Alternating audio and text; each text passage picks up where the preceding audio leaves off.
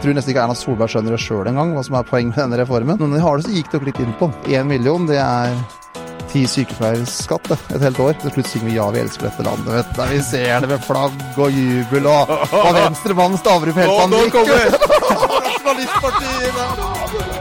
Her er Stavrum og Eikeland.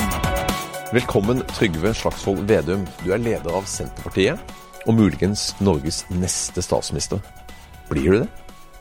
Jeg har blitt spurt mye om det, det spørsmålet. Om posisjoner, regjeringssamarbeid alt. Og jeg syns det er veldig sånn avsporing, for det er jo hva er det vi går til valg på? Altså, Hvilke saker er det vi, vi ønsker? Og klart at Vi har vært tydelige på at vi ønsker en Senterparti-Ap-basert regjering. At vi mener at vi må ha en politikk der vi reduserer forskjellene i Norge, der vi sikrer et nasjonalt eierskap til naturressursene.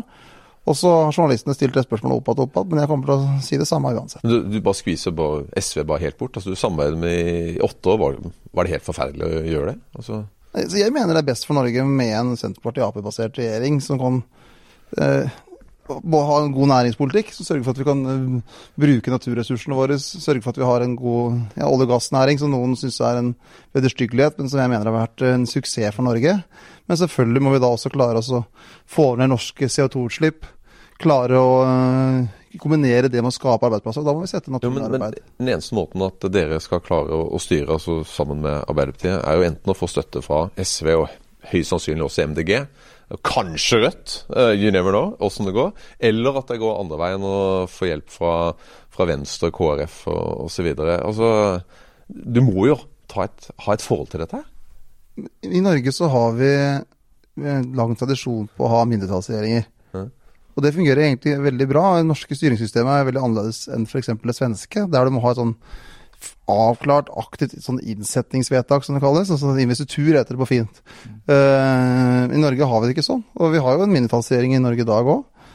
som eh, støtter har, Der har jo Frp en sånn støttepartifunksjon, da, men, men vanligvis så har han ikke hatt den der støttepartifunksjonen som Erna Solberg har hatt.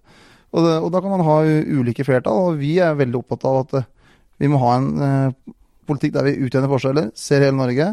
Men samtidig så må vi ha en god og aktiv næringspolitikk, og vi mener at eh, med Senterpartiet og Ap så, så er det mulig å få til. Men la oss tenke oss den helt ville ideen, da. At du blir statsminister. Hvor vil du føre oss de, de neste fire årene? Ja, men jeg mener hele det personfokuset der, sånn der medieøvelse, og da kan klikke, og så kan lage sånne type avstemninger, og så kan man lage smilefjes og negativfjes og alt mulig sånn. Nei, men For å få gjennom politikken din, så må du også ha en posisjon. Ok, og du, La oss si det blir en regjering av Arbeiderpartiet og, og Senterpartiet. Eh, og la oss bare Jeg kan legge til grunn at du blir statsminister. Eh, hva skjer med Norge? Hva vil dere gjøre? Er vi Senterpartiet får, eh, får større makt, så, så for det første så er det den enorme sentraliseringa som dagens regjering har lagt opp til, mener vi er, er feil. da. For at eh, I forlengelsen av sentralisering så kommer også byråkratisering. Og det ser man jo at de- statlige byråkratiene har jo est ut og, og økt. Samtidig som mange har opplevd at tjenestene nært der de bor blir dårligere, om det er innenfor politi, pass, Nav, skatt.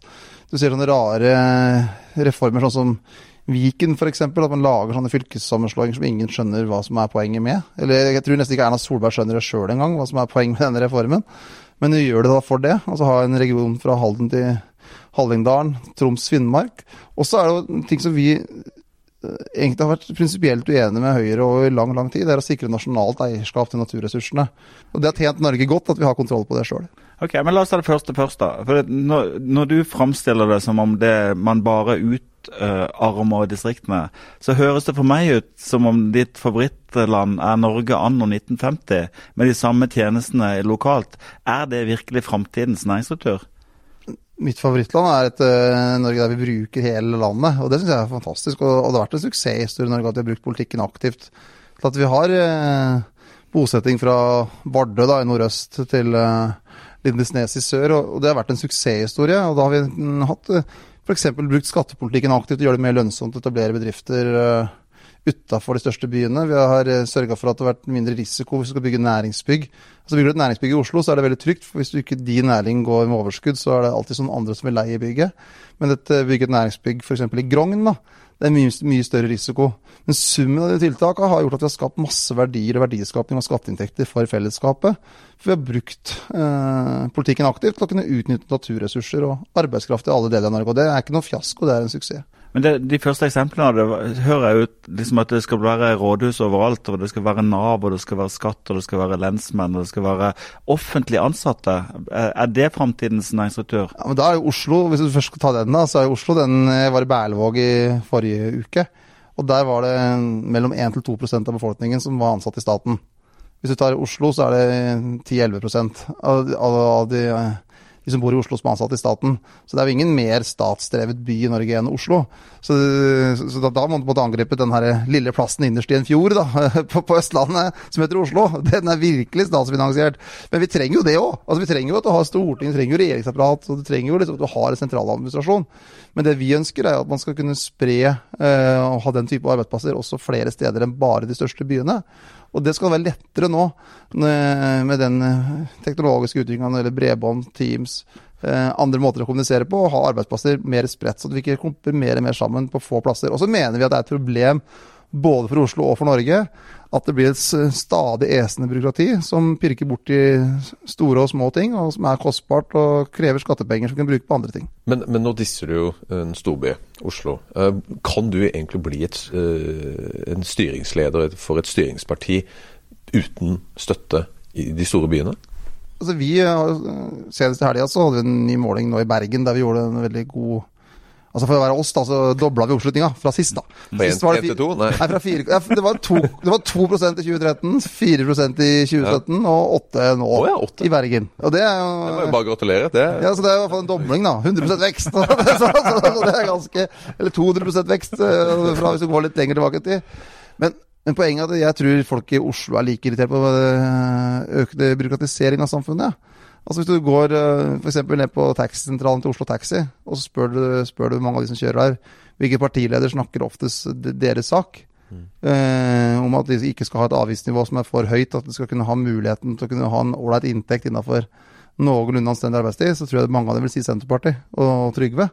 Eh, så det er jo eh, de samme motsetningene som finner mellom folk som bor i Berlevåg og økende byråkratisering, kan du også finne mellom det som kjører drosje og økende byråkratisering. Så det her sentrum-periferi-dimensjonen kan være like aktuelt i en by. Og alle oss, i hvert fall, tror jeg, som har drevet en liten bedrift, eh, kjenner at summen av offentlig rapportering og byråkratisering, eh, den er for høy. Eh, og den må snus. Og det er ikke minst eh, viktig for alle små næringsdrivende. Og det, og, og det er lettere for et stort Altså, det er mye lettere for Veidekke, f.eks.. Som har en stor sentraladministrasjon å forholde seg til det, enn den lokale entreprenøren som kanskje eh, driver litt byråkrati på kvelden etter at den har gravd og organisert eh, jobben sin. Så det er et problem, spesielt for små næringsdrivende, når byråkratiseringa av samfunnet blir for stor. Når sa du nei til offentlig pengebruk i distriktene sist? Ja, det, sier- det sier jeg sikkert stadig vekk, det, altså. Men, det, nei, jo, men poenget at du skal være kritisk til offentlig pengebruk hele tida, fordi at det er eh, dine og mine skattepenger. Og det er jeg blitt mer og mer opptatt av mm, egentlig hvor lenge jeg har drevet med politikk. At noen ganger sier det er bare en million eller bare to millioner eller den type retorikk. Eh, men én million, det er ti sykepleieres skatt et helt år.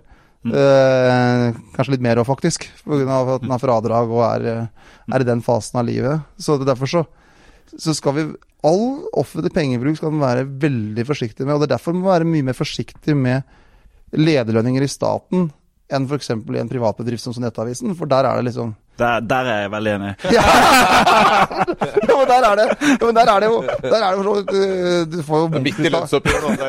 nei, nei, ja, nei, men altså Jeg tror ikke det er så synd på deg akkurat. Men, altså, men, jo, men det er private penger. Altså offentlige skattepenger skal man være veldig varsom på. Og, og derfor, så når da lederlønninger i, i sånn statlig selskap rundt sentralstaten begynner å bli sånn fem-seks millioner på det høyeste, da er vi fullstendig på ville veier. Jo, men, men, men du er da mot denne politireformen som har vært. Altså, Du vil ha flere kommuner og flere fylker tilbake igjen. Altså, Da blir det jo mer byråkrati. Det blir mer offentlige utgifter. Altså, er det, Snakker du ikke egentlig mot det du egentlig ønsker? Det er der jeg mener at analysen har vært altfor enkel. da. For Fordi at hvis du går til en, hvis du tar bedriftsteknologien, da. Hvis du går til en liten småbedrift, så er det mindre byråkrati i mange av de små bedriftene enn mange av de store.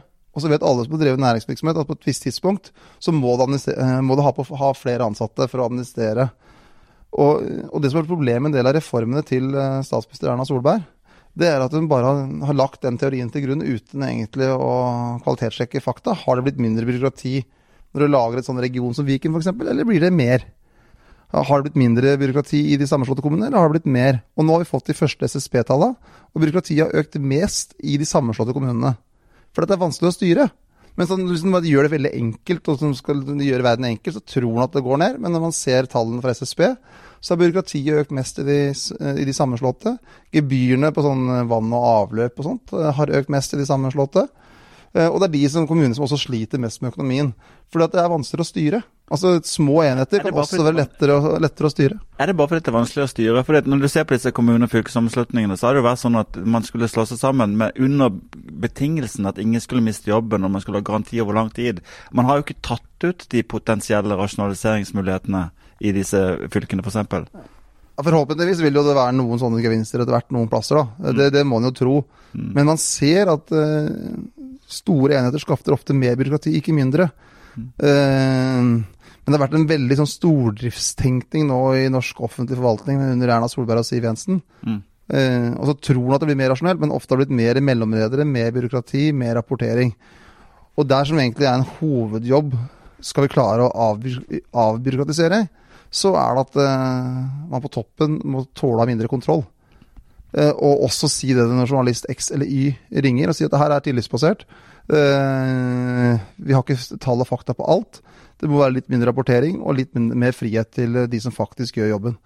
Og jeg tror nesten alle som jobber i offentlig sektor, ser at den byråkratiseringa som nå skjer, er feil. Og jeg tror stordrift er en av driverne bak. Men det får jo, folk må jo vurdere sjøl, da. det må folk vurdere sjøl. Jeg tror ikke stordrift er svaret på Norges problemer, da. Du er jo eh, en distriktenes mann, men eh, hvor begynner distriktene? Bor du i distriktene? Jeg, altså, i, sånn som SSB definerer det, så tror jeg faktisk at jeg bor i urbane strøk. Det, det, det, sier at en skal lese statistikk med viss eh, For, at det, for at det med hvor mange hus som er innenfor en viss radius. Mm. Så Sånn sett så tror jeg faktisk Ilseng defineres som urbant. Men det er den eneste Det er fengsel der, da. Så vi har jeg sjekker tre faktum om ditt ja. hjemsted. Det ene er at uh, i, på Stange så kan du bestille hjemmebrakt espressokaffe. Kan du det? Ja, det kan du. Punkt to. Det er kortere fra deg til Hamar sentrum og til Atlungstad golfbane, for å ta noe vondt, ja. enn det er fra Groruddalen til, til Stortinget. Ja, det... så, så, du er ikke så langt på, på landet? Nei. Nei, det er, det er jo ikke det. Og Uh, nei, det her med hjemme... Hvem er det som leverer hjemme? det være et utrolig dårlig forretningskonsept! jeg håper de ikke har fått noen sånn distriktsstøter etter fra starten. Den her utkjøringa av kaffe. Det har vel lært av norske bønder. Det kommer an på prisen de tar. på prisen, men, men, det må jeg sjekke ut.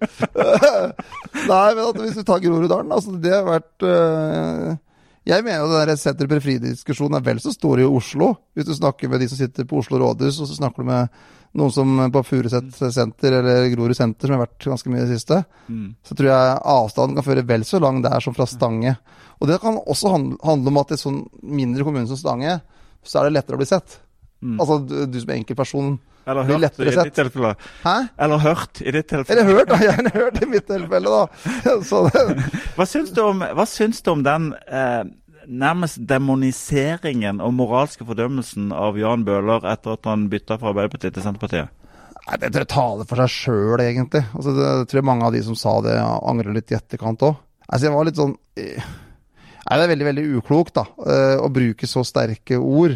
Og, og, og det, som, det, som, forundrer meg litt, er at det virka nesten så det ble sterkere ord fordi at han gikk fra Arbeiderpartiet til Senterpartiet igjen. hvis han hadde gått fra Arbeiderpartiet til First Host eller mm. Gelbuden Keys eller mm. et sånn type konsulentbyrå der han bare kunne selge verdiene sine mm. for høystbydende. Eh, for det er det jo veldig mange Arbeiderparti-topper som har gjort. Eh, gått til den type kommunikasjonsbransje der det bare er den som mest penger får det. Det er faktisk mange Senterparti og Høyre og veldig mange topper har gjort akkurat det. Nei, ingen, altså, altså, jeg blir leder i Senterpartiet, er det ingen som har gjort det i Senterpartiet. Er det ikke det? Ikke Nei. til noen av dem? De har bare gått til advokatbransjen? Nei, for jeg har sagt det tydelig at hvis du går til den type selskaper, ja. eh, så er det jo en helt legitim ting å gjøre hvis du har lyst til det.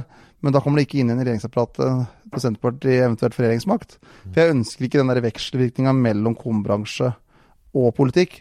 For da, for at, eh, da blir Sa du nå, ønsker du ikke vekselvirkning mellom kornbransje og politikk? Nei, ja.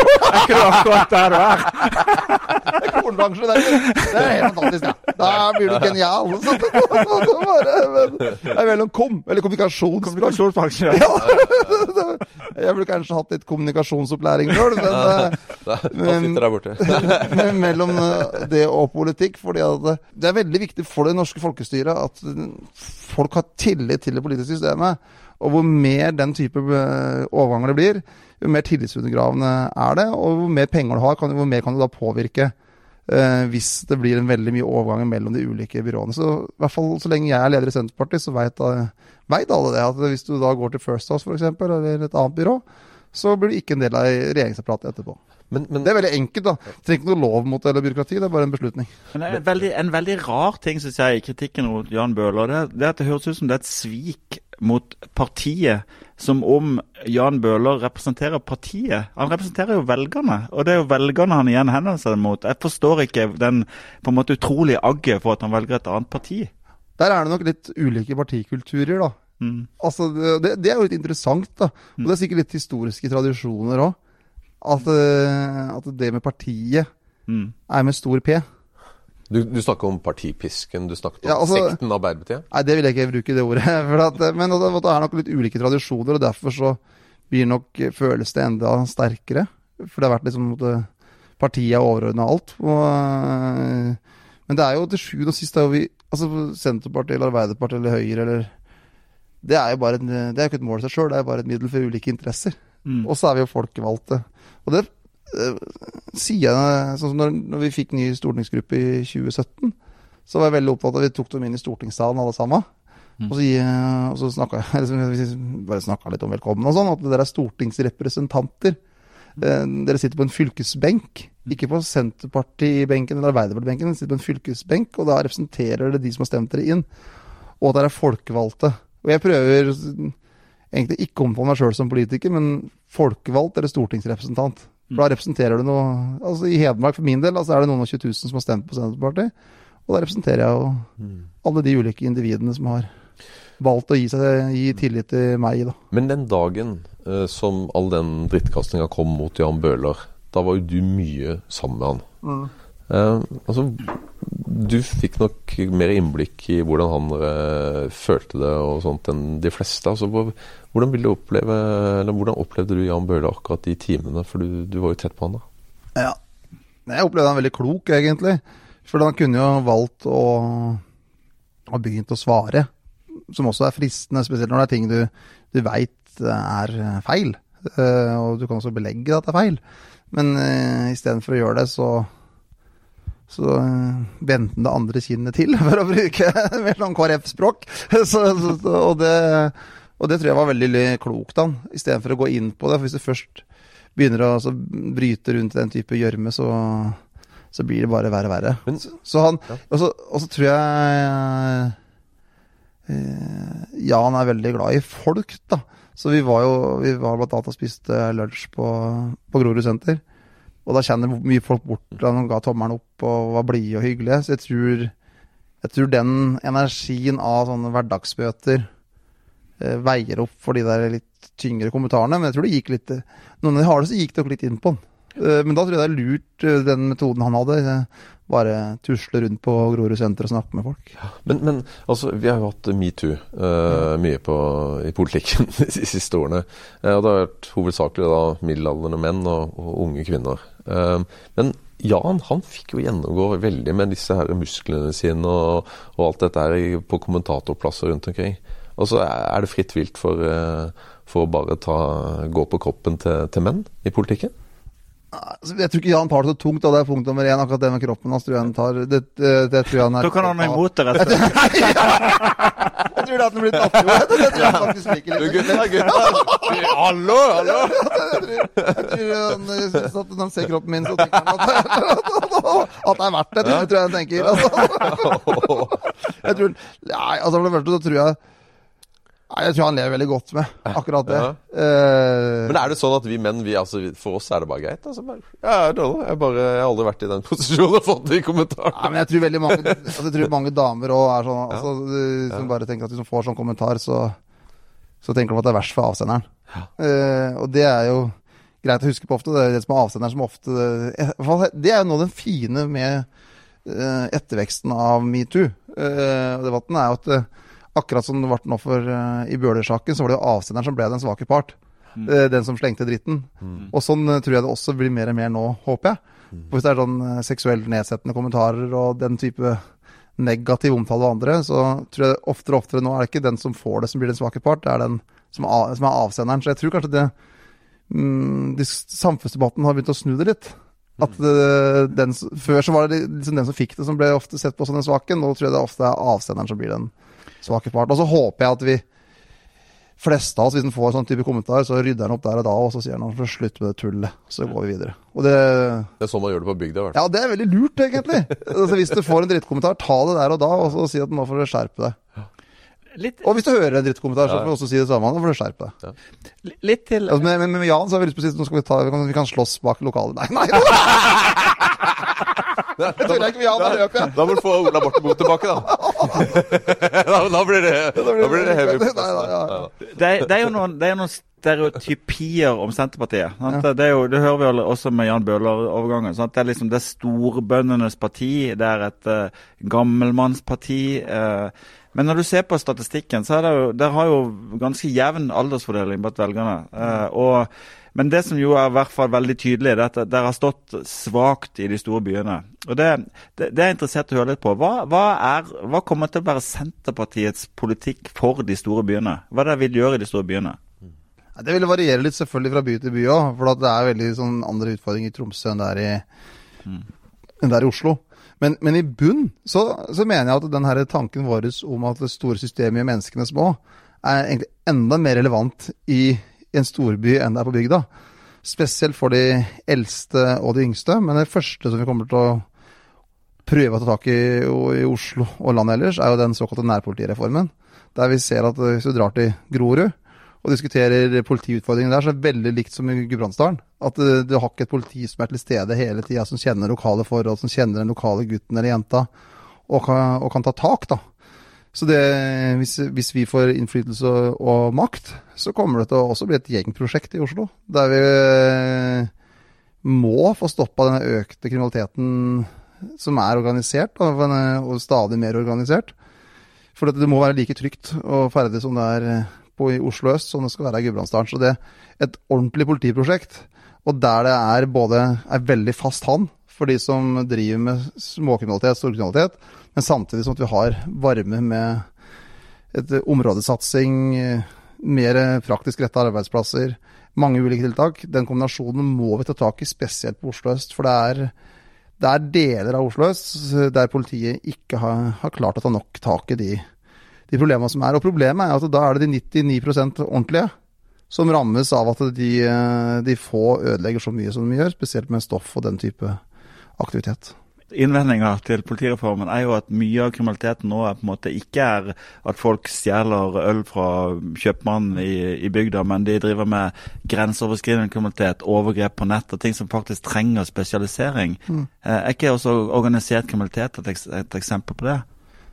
Men den, den skjer i gatebildet, hvis du er villig til å, å se. Ta Lørenskog, eh, har hatt noen forferdelige eksempler med det. Du, med den skytinga på Egon-restauranten der. Du, du ser det i ulike deler av Oslo, du kan se det i ulike deler av, av Bergen. Hvis du vil se det. Og så er problemet at mye av kriminaliteten er småkriminalitet, men at det står store eh, gruppe, grupperinger bak. Og det der er et nasjonalt problem, for hvis det er f.eks. områder da i Oslo som oppleves utrygt eh, av at noen gjenger får mer og mer makt, så mener jeg det er et problem for meg også som bor i Stange. Og da må vi sette inn ressurser for å løse opp i det så fort som overhodet mulig. Og ikke minst også fordi at eh, hvis vi ikke gjør det, så tror jeg det også bidrar til rasisme. Fordi at noen av de grupperingene som nå øh, er ganske harde, de har, har, har også forgreininger til, til utenlandske aktører.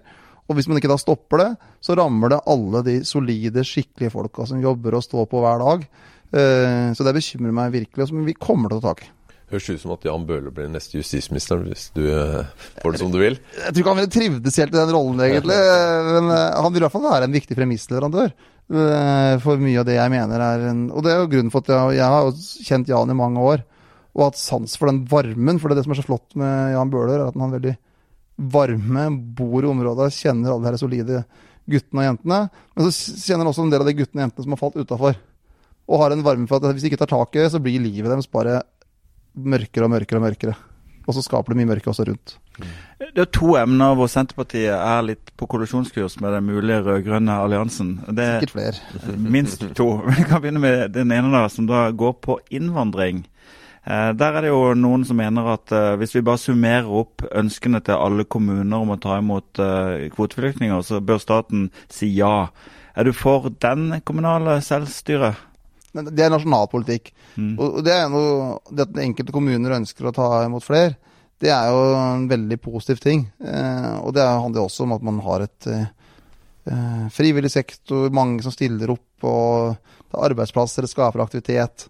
Men, men til sjuende og sist, hvor mange kvoteflyktninger f.eks., det er opplagt en beslutning som må tas eh, i nasjonalforsamlingen. Og også innvandringspolitikken. For problemet hvis innvandringspolitikken blir for skiftende, er at det rammer veldig fort det du ikke vil skal ramme. For det da Det som eh, ofte har skjedd før, at man myker litt opp. Og så kommer det en uh, utilsikta effekt, at det kommer mange flere enn man har trodd. F.eks. av én typisk unge menn, da. Eh, For det er de som ofte har sterkest ressurser til å komme. Og så strammer man inn igjen, og så blir sittende en del folk i en slags sånn mellomfase som er veldig uskyldig. Så Derfor så har vi i Senterpartiet vært veldig opptatt av å ha brede løsninger i Stortinget. Og det var vi som tok initiativet til det brede nasjonale forliket høsten 2015, når ting var ute av kontroll. Da Som ikke alle partiene ble med på. ja, men Resten alle ble med til slutt. Også Venstre og Frp. Da var det jo på en måte Da var det egentlig den her dynamikken mellom Venstre og Frp på sitt verste. Mm. Fordi at de blokkerte hverandre fullstendig. Eh, og, da, og så skjedde bare det som skjedde på Storskog. Eh, og så, men, da var det, men det kan være litt tilfeldig òg. Men da var det måte jeg som fikk den rollen, da. Og så skal vi sette oss sammen. Men la oss bore litt i det. for dette er sånn, eh, har- Vi er mye i, eh, i det som før helt Oppland, som da heter Innlandet. Og Der, er- der har jeg sett kommuner som har hatt uh, asylmottak, hvor på en måte den virksomheten faktisk gir arbeidsplasser, og, og en bygda ønsker flere eh, asyl, eh, asylmottak. Eh, Det ser vi jo mange steder i Norge. Altså, Hva er det så galt med at vi tar imot 10 000 kvoteflyktninger, hvis det er det kommuner rundt om i Norge sier at de kan ta imot nå, da? Fordi at vi over tid så må vi klare å integrere på en god måte. Og også klare å ha arbeidsplasser. Eh, og, det, og vi ser jo at vi har hatt store nok utfordringer med å klare å integrere og få folk i arbeid også de siste åra. Eh, og, hvis vi ikke gjør det, så vil vi, eh, vil vi skape større motsetninger mellom folk. Og det må vi jobbe med hele tida. Altså prøve å dempe konfliktnivået når det gjelder eh, innvandring og integrering. Og så må det settes inn nok ressurser, sånn at folk kommer seg ut i arbeidslivet. Og jeg kjenner sånn privat en god del som har kommet som innvandrer til min hjemkommune Stange, og sett hvor vanskelig det er å komme seg liksom fra en mottakerrolle inn inn i jobb, sjøl om en aldri så mye vil. Og jeg sjøl har kunnet bidratt litt, for jeg kjente den lokale næringsdrivende, kunne ringe, sørge for den der smådriftsfordelen, da. Eh, men, men det er ikke enkelt. Så, så alle som tror at det er veldig enkelt eh, å få til integrering, de tror jeg kjenner for få innvandrere som har bosatt seg og, og jobba med det i hverdagslivet. Så det er en veldig stor og krevende jobb. og og i det fellesskapsprosjektet som Norge er, så må vi klare det. Og da kan vi ikke Hvis jeg har sagt fri innvandring, da, Mm. Eh, så hadde vi ikke, Men men MDG, ikke klart det. MDG, Rødt og SV vil jo si flere enn 3000. Der sier du bom, nei, det skjer ikke med Trygve Slagsvold Vedum som statsminister. Jeg legger inn den derre altså, altså, men, men, politikk er jo litt sånn rart. Da, for altså, under den rød-grønne regjeringa hadde vi 1000 i året. Mm. Ja, eh, det var 750 da vi overtok. Mm. Eh, og så gikk vi eh, med SV-finansminister gikk vi fra 750 til 1000. 33 vekst, Og altså. så gikk vi da fra FRP, men fra SV til Frp-finansminister, så gikk vi fra 1000 til 3000. Men, men, Ja, så, så, så, derfor så er det men det var en litt annen verden, da. ja, Det var mye flyttinger da òg. Hovedgrunnen for at det var 3000, det handler, det handler mest om samarbeidsutfordringer mellom Frp og Venstre. Men altså, det, det er for sånne type tall Eh, da må man jo se på hva som skjer. Det kan jo skje ting.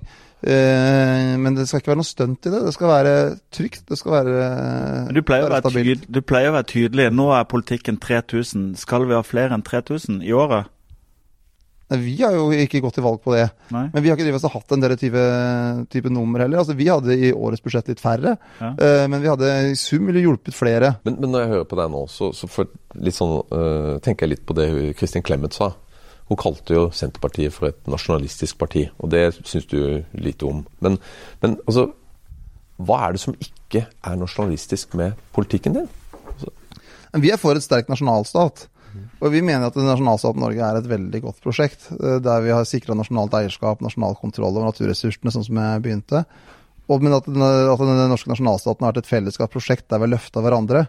Og når man ofte bruker sånne ulike merkelapper, så, så blir det så mange sånn andre ting som kommer med. Uh, og det som vi har selvfølgelig vært den tydeligste EU-motstanderen i Norge. Forventet at det er klokt at beslutninger som angår Norge tas i den, det norske Stortinget. Men så har det også vært en viktig del av den norske uh, tradisjonen at vi har vært opptatt av å ha en aktiv bistandspolitikk. Sørge for at Norge kan, kan bidra hvis det er kriser ute. At det ikke skal være oss sjøl nok. At vi skal ha en solidarisk tanke. Men at vi skal sikre kontrollen over eget land. Og der er vi uenige med Høyre, Venstre, det, det, ja, altså halve Frp, som ønsker å gi mer og mer makt til Brussel. Kommer litt inn på næringslivet, da. Eh, hva, altså, hva slags næringsliv får vi hvis du styrer? Et variert næringsliv. For det er et stort problem at hvis du ser de siste åra, så har jo handelsunderskuddet i Norge økt hvert eneste år, spesielt fra Fastlands-Norge. Eh, og hvis vi skal bygge videre, så må vi bygge på det vi allerede har. Altså Punkt nummer én olje- og gassnæringa er den desidert største næringa vi har i Norge nå. Og så er det noen i norsk offentlighet som sier at den skal vi måtte slutte med om ti år eller fem år eller seks år. Eller, altså den type tall. Det mener jeg er uh, fullstendig uansvarlig å drive med den type retorikk og, og høyttenkning. Men norske olje- og gassressurser de blir jo mindre. Og olje- og gassnæringa må jo videreutvikle seg og delvis omstille seg. Det er alle enige om. Men, vi, men olje- og gassnæringa kommer til å være ekstremt viktig også de åra som kommer. Altså I år så bruker vi 480 milliarder oljekroner inn i oljebudsjettet, altså inn i, i statsbudsjettet. Eh, Statoil alene, eller Equinor da, som det heter nå, har jo enkeltår bidratt mer inn i norske statskassa, eller bidrar enkeltår mer inn i statskassa enn alt annet norsk næringsliv. Altså Det er greit å bare huske det, i hvert fall, når man diskuterer, eh, diskuterer tall og størrelser.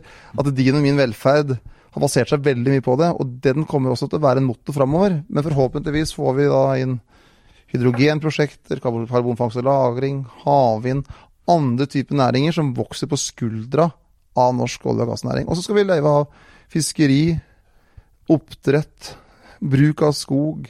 Vi kommer til å leve av bergverk. Altså Det som mange som glemmer å tenke på, er at når du ser på norske eksportnæringer i hundrevis av år, hva har det vært? Det har vært foredling av naturressurser. Og den beste måten du skal se framover, er å lese historien. Det, så vi kommer sannsynligvis til å leve av mye av det samme som vi har levd av i hundrevis av år, også framover.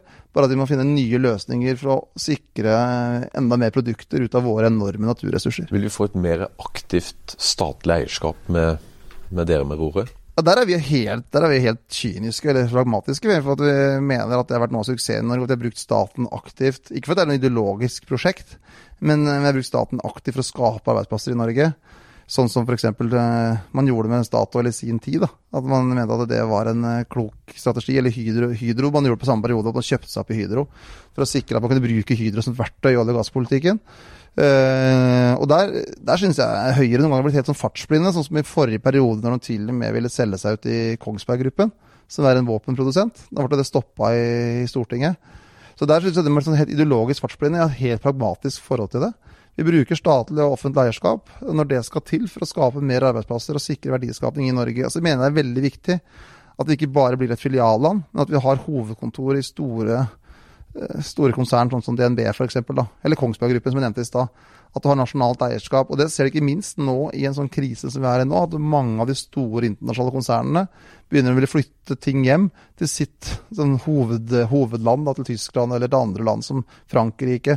Og at vi også må da ha en klar nasjonal strategi. Så vi må ikke være naive, men det har vært for mange i Norge, spesielt sånn i Høyre og tenketankene rundt, som har blitt sånne naive frihandels... eh, tror at det finnes en sånn idealistisk frihandelsgud en eller annen plass. Eh, Men så har de glemt åssen verden er, hvordan USA opptrer, hvordan Kina opptrer, hvordan andre stormakter opptrer. De opptrer helt taktisk for å sikre sitt industri, sitt næringsliv, og det må også vi gjøre. Men vi hadde Reiner Inndal her, han er en av de store private equity-gutta i, i, Norge. Ja. Uh, og han sa bare at Norge vi er verdensledende når det gjelder uh, grønn teknologi, bærekraft. Ja. Uh, og han sa at hvis vi gjør de riktige tingene nå, så kan vi virkelig bli de store innen dette de neste 10-20-30 årene. Mm. Eh, er det en idé da at uh, f.eks. staten da går igjen også aktivt på eiersida innenfor eh, disse selskapene og er, med på å bidra da, særlig med kapital da, til, å, til at vi klarer å få dette til? Ja, det mener vi, og vi har også fremma forslag om det i Stortinget. Med eierkapital på eh, innenfor fornybarsektoren, da, eller grønn sektor, du kan kalle det hva du vil. altså Kjært eh, barn har mange navn. Eh, og så må vi se noe på avkastningskravet til staten. For at det, altså avkastningskravet på statlig kapital er så høy nå at det i praksis ikke har vært noe hjelp. Så vi må tørre å ha litt lavere avkastning. Og det henger jo litt sammen når rentenivået er så lavt som det er nå. Så kan man også ha lavere avkastningskrav på, på penga. Men hvorfor er vi så gode på det? Jo, det er selvfølgelig fordi vi begynte med å ha drevet med vannkraft nå i over 100 år. Altså, Vi har vært ekstremt gode på vannkraft. Vi har et kjempeingeniørmiljø når det gjelder eh, olje- og gassektoren. Vi har hatt en idé om at vi skal bruke våre naturressurser og skape nye teknologiske løsninger, og ikke bare eksportere det ut. Og det er det vi må tenke også når vi har så mye fornybar energi som vi har i Norge, så må vi klare å skape industri og verdiskapning her. Sånn som Danmark har gjort på vindkraft f.eks. Der de har klart å skape en industri på vindkraft, så må vi nå når havvind er i ferd med å komme, må vi klare å skape en industri på havvind. Og det var jo så Aker oppretta et nytt selskap nå i sommer som nettopp skulle liksom prøve å spesialisere seg den, den veien. Men en av de store suksesshistoriene som er veldig underkjent, det går jo på produktivitetsveksten i norsk landbruk. Hvis vi går tilbake til 1950, så var det 250 000 gårdsbruk i Norge. Nå er det noen og 40 000. Vi produserer stort sett like mye mat som vi gjorde da, og vi bruker omtrent det samme arealet. Er ikke det en fantastisk suksesshistorie? Og dette har skjedd også under Senterpartiet i regjering flere ganger? Ja, det, er, og det kommer til å altså, Det handler om teknologiutvikling òg. Mm. Altså, selvfølgelig når jeg pløyer, så pløyer jeg med ganske annen redskap enn det oldefaren min gjorde. Og hvis du går en generasjon fram, så er det sannsynligvis ganske mange autonome traktorer òg. Ja. Altså sånn som går på GPS. Men er ikke, er ikke det bra? Jo, jo, jo. Selvfølgelig er veldig mye av det bra. Mm. F.eks. at du slipper å håndmjølke ei ku. da. Mm. Nå er det en robot som gjør det. Ja. Altså, det, klart, det gjør jo hverdagen utrolig mye bedre. Og så skal vi få en velstandsutvikling i et samfunn, så må, ha, må vi gjøre ting mer effektivt. Når jeg nå gjødsler, så har jeg en GPS og en sensor på taket som gjør at jeg ser hvor mye mer eller mindre gjødsel Ikke jeg, da, men datamaskina inni traktoren regner ut hvor mye mer eller mindre gjødsel som skal ut på det jordet. Og da blir det også mindre forurensning. Og du gjør alt dette fra appen din på Stortinget? Jeg kan styre det her hvis du vil. Og så ifølge Stavrum så redder det i den, da. Så bare se kontoen fyller seg opp, og det er bare jubel, vet du. Nei, dessverre, akkurat som bedriftsøkonomisk, så er mitt prosjekt litt dårlig akkurat nå. Men det, det blir bedre, forhåpentligvis. Det kommer nok subsidiekroner, det fylles vel opp litt? Ja, det akkurat det, altså, ikke, den, altså, det viktigste støtten for veldig mange liksom, i landbruket er egentlig at du har tollvern.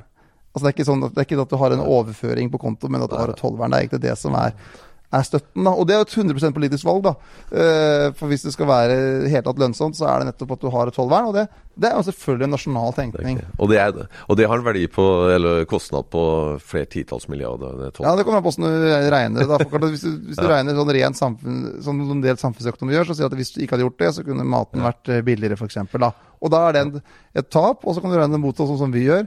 At vi sier at du skaper da ja, hvis du regner med hele verdikjeden, da, litt i overkant av 100 000 arbeidsplasser. Da, for at du har et tollvern som gjør at du kan skal ha Nortura, Tine, Fatland, Synnøve Finden Altså alle de her, det, den tunge næringsmiddelindustrien som er, som er Norges største fastlandsindustri etter olje og gass. Jo, men, men da, nå skal du vinne byene. Men du er jo faktisk ansiktet til at hvorfor vi har dyre matvarer i butikkene i Oslo, i Bergen, i Stavanger og Trondheim. Hvordan skal du da klare å vinne byene? Det er du som er ansvarlig for det? Ja, det er nok under halvparten av produktene det er litt på husk, men under halvparten av produktene i butikken som er omfatta av tollvernet. Men vi hadde spart mye som forbruker, det hadde vi gjort. Ja, vi kunne fått litt lavere ostepriser, det kunne vi gjort, og, og melk og, og kjøtt. kjøtt. Det kunne vi fått litt billigere. Men, det men, det er, jo en politisk vurdering da, om du ønsker å ha en nasjonal industri eller ikke. Det er jeg helt enig i, ja. men nå skal vi vinne byene. Ja, da er jeg helt ærlig på det. Jeg tror veldig mange er enig i det. For hvis vi ikke hadde hatt det, så hadde liksom, Bygde-Norge grodd igjen. Og vi har vært mye mer sårbare hvis vi ikke har egen matproduksjon. Og ikke minst etter det koronaåret vi har hatt i år, så tror jeg mange ser at det å ha nasjonal matproduksjon er klokt. Altså Det er en del av et lands beredskap, det å ha evne å produsere egen mat til egen befolkning. Så, men det er jo også, akkurat som forsvar. Vi bruker jo mye mer penger på forsvar, da. Altså, det er mye, mye dyrere enn det vi bruker på landbruk. Eh, men, men det er jo du for. Jeg, jeg, jeg, mener det er kjemperiktig. Jeg mener det er veldig riktig. Ja. Og, så Det er jo forsikringspremien vi bruker på forsvar. Forhåpentligvis er mye av de penga ikke At vi ikke trenger å bruke det, men jeg mener allikevel det er rett. Når det gjelder landbruk, så får vi mat, vi får landskap, vi får arbeidsplasser, vi får verdiskapning. Vi får et fantastisk Norge, og til slutt synger vi 'Ja, vi elsker dette landet'. vet du. Der vi ser det med flagg og jubel, og, og venstre mann Stavrum helt kommer Nasjonalistpartiet der, Så spiser vi vet og koser oss. Smak med Norge. Helt til slutt, bare ja. konkret. Du er jo nå blitt liksom småfolkets mann og arbeidernes mann, ifølge Jan Bøhler. Når du, når du drar inn til Stange, så går du på polet og så kjøper du eh, lokalprodusert sprit, og så går du inn i Rema 1000 og kjøper eh, matvarer etterpå. Ergrer du deg ikke over de høye prisene?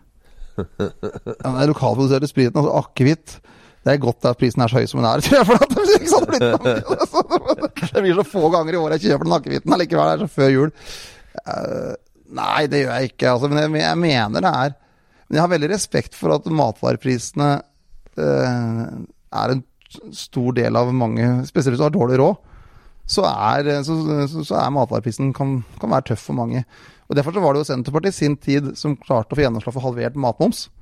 Fordi at man skulle sørge for at matvarer skulle ha mindre skatt på enn andre varer. fordi at man ikke skulle ha en for høy, høy utgift når alle kjøper mat. Så vi, så, det, så vi har vært opptatt av det. men så har vi også vært ærlige på at vi mener at det å ha norsk matproduksjon skaper så mye verdier og er viktig for landets beredskap. Ja. Eh, og, og, altså Nå har du vunnet, og det var veldig smart move. jeg må si Det Det er vanvittig bra taktisk gjort av deg, det å få Jan Bøhler på, på, laget. Altså, Jeg tror aldri i livet hadde vært sjansen å fått en kandidat for Oslo, hadde dere ikke gjort det. Men hva nå disse andre storbyene, f.eks. da i Trondheim. Mm. Hvis Trond Giske kommer løpende, tar du han imot? Jeg tror ikke det er noen problemstilling, egentlig. akkurat da. Jeg tar imot alle. Ja. Om Jonas Gahr Støre kommer løp nå, så tar jeg han. Jeg. Så, tar Carl I og Siv og Erna. Ja. Så, men det er ikke sikkert du får så stor innflytelse lenger. Men, men, men, da, da vinner en kandidat i Trondheim? Nei, vi, altså, I Trøndelag så ligger vi veldig godt an. Mm. Altså, i, eh, der er det jo ei Heide Greni, som er stortingsrepresentant nå, og Ola Borten Moe. De to som kommer til å stille som eh, kandidater, ser det ut som. I hvert fall hvis eh, nominasjonskomiteen får sin, eh, sitt innstilling vedtatt. Mm. Så vi står veldig, veldig sterkt der. Men det er ingen tvil om at det er mange folk som mener at vi er et bedre verktøy for dem. Som om de er drosjesjåfør, som jeg snakka på i stad, som jobber i anlegg, som er førskolelærer, sykepleiere lærere som ser på oss som et mye bedre verktøy for seg enn de ser på f.eks. Arbeiderpartiet. Eh, og så får jeg bare si hva som er mine løsninger, da. Og så får Arbeiderpartiet si hva de mener, og så får folk stemme, stemme om de mener det er oss eller eh, Ap, Høyre eller Frp de vil ha.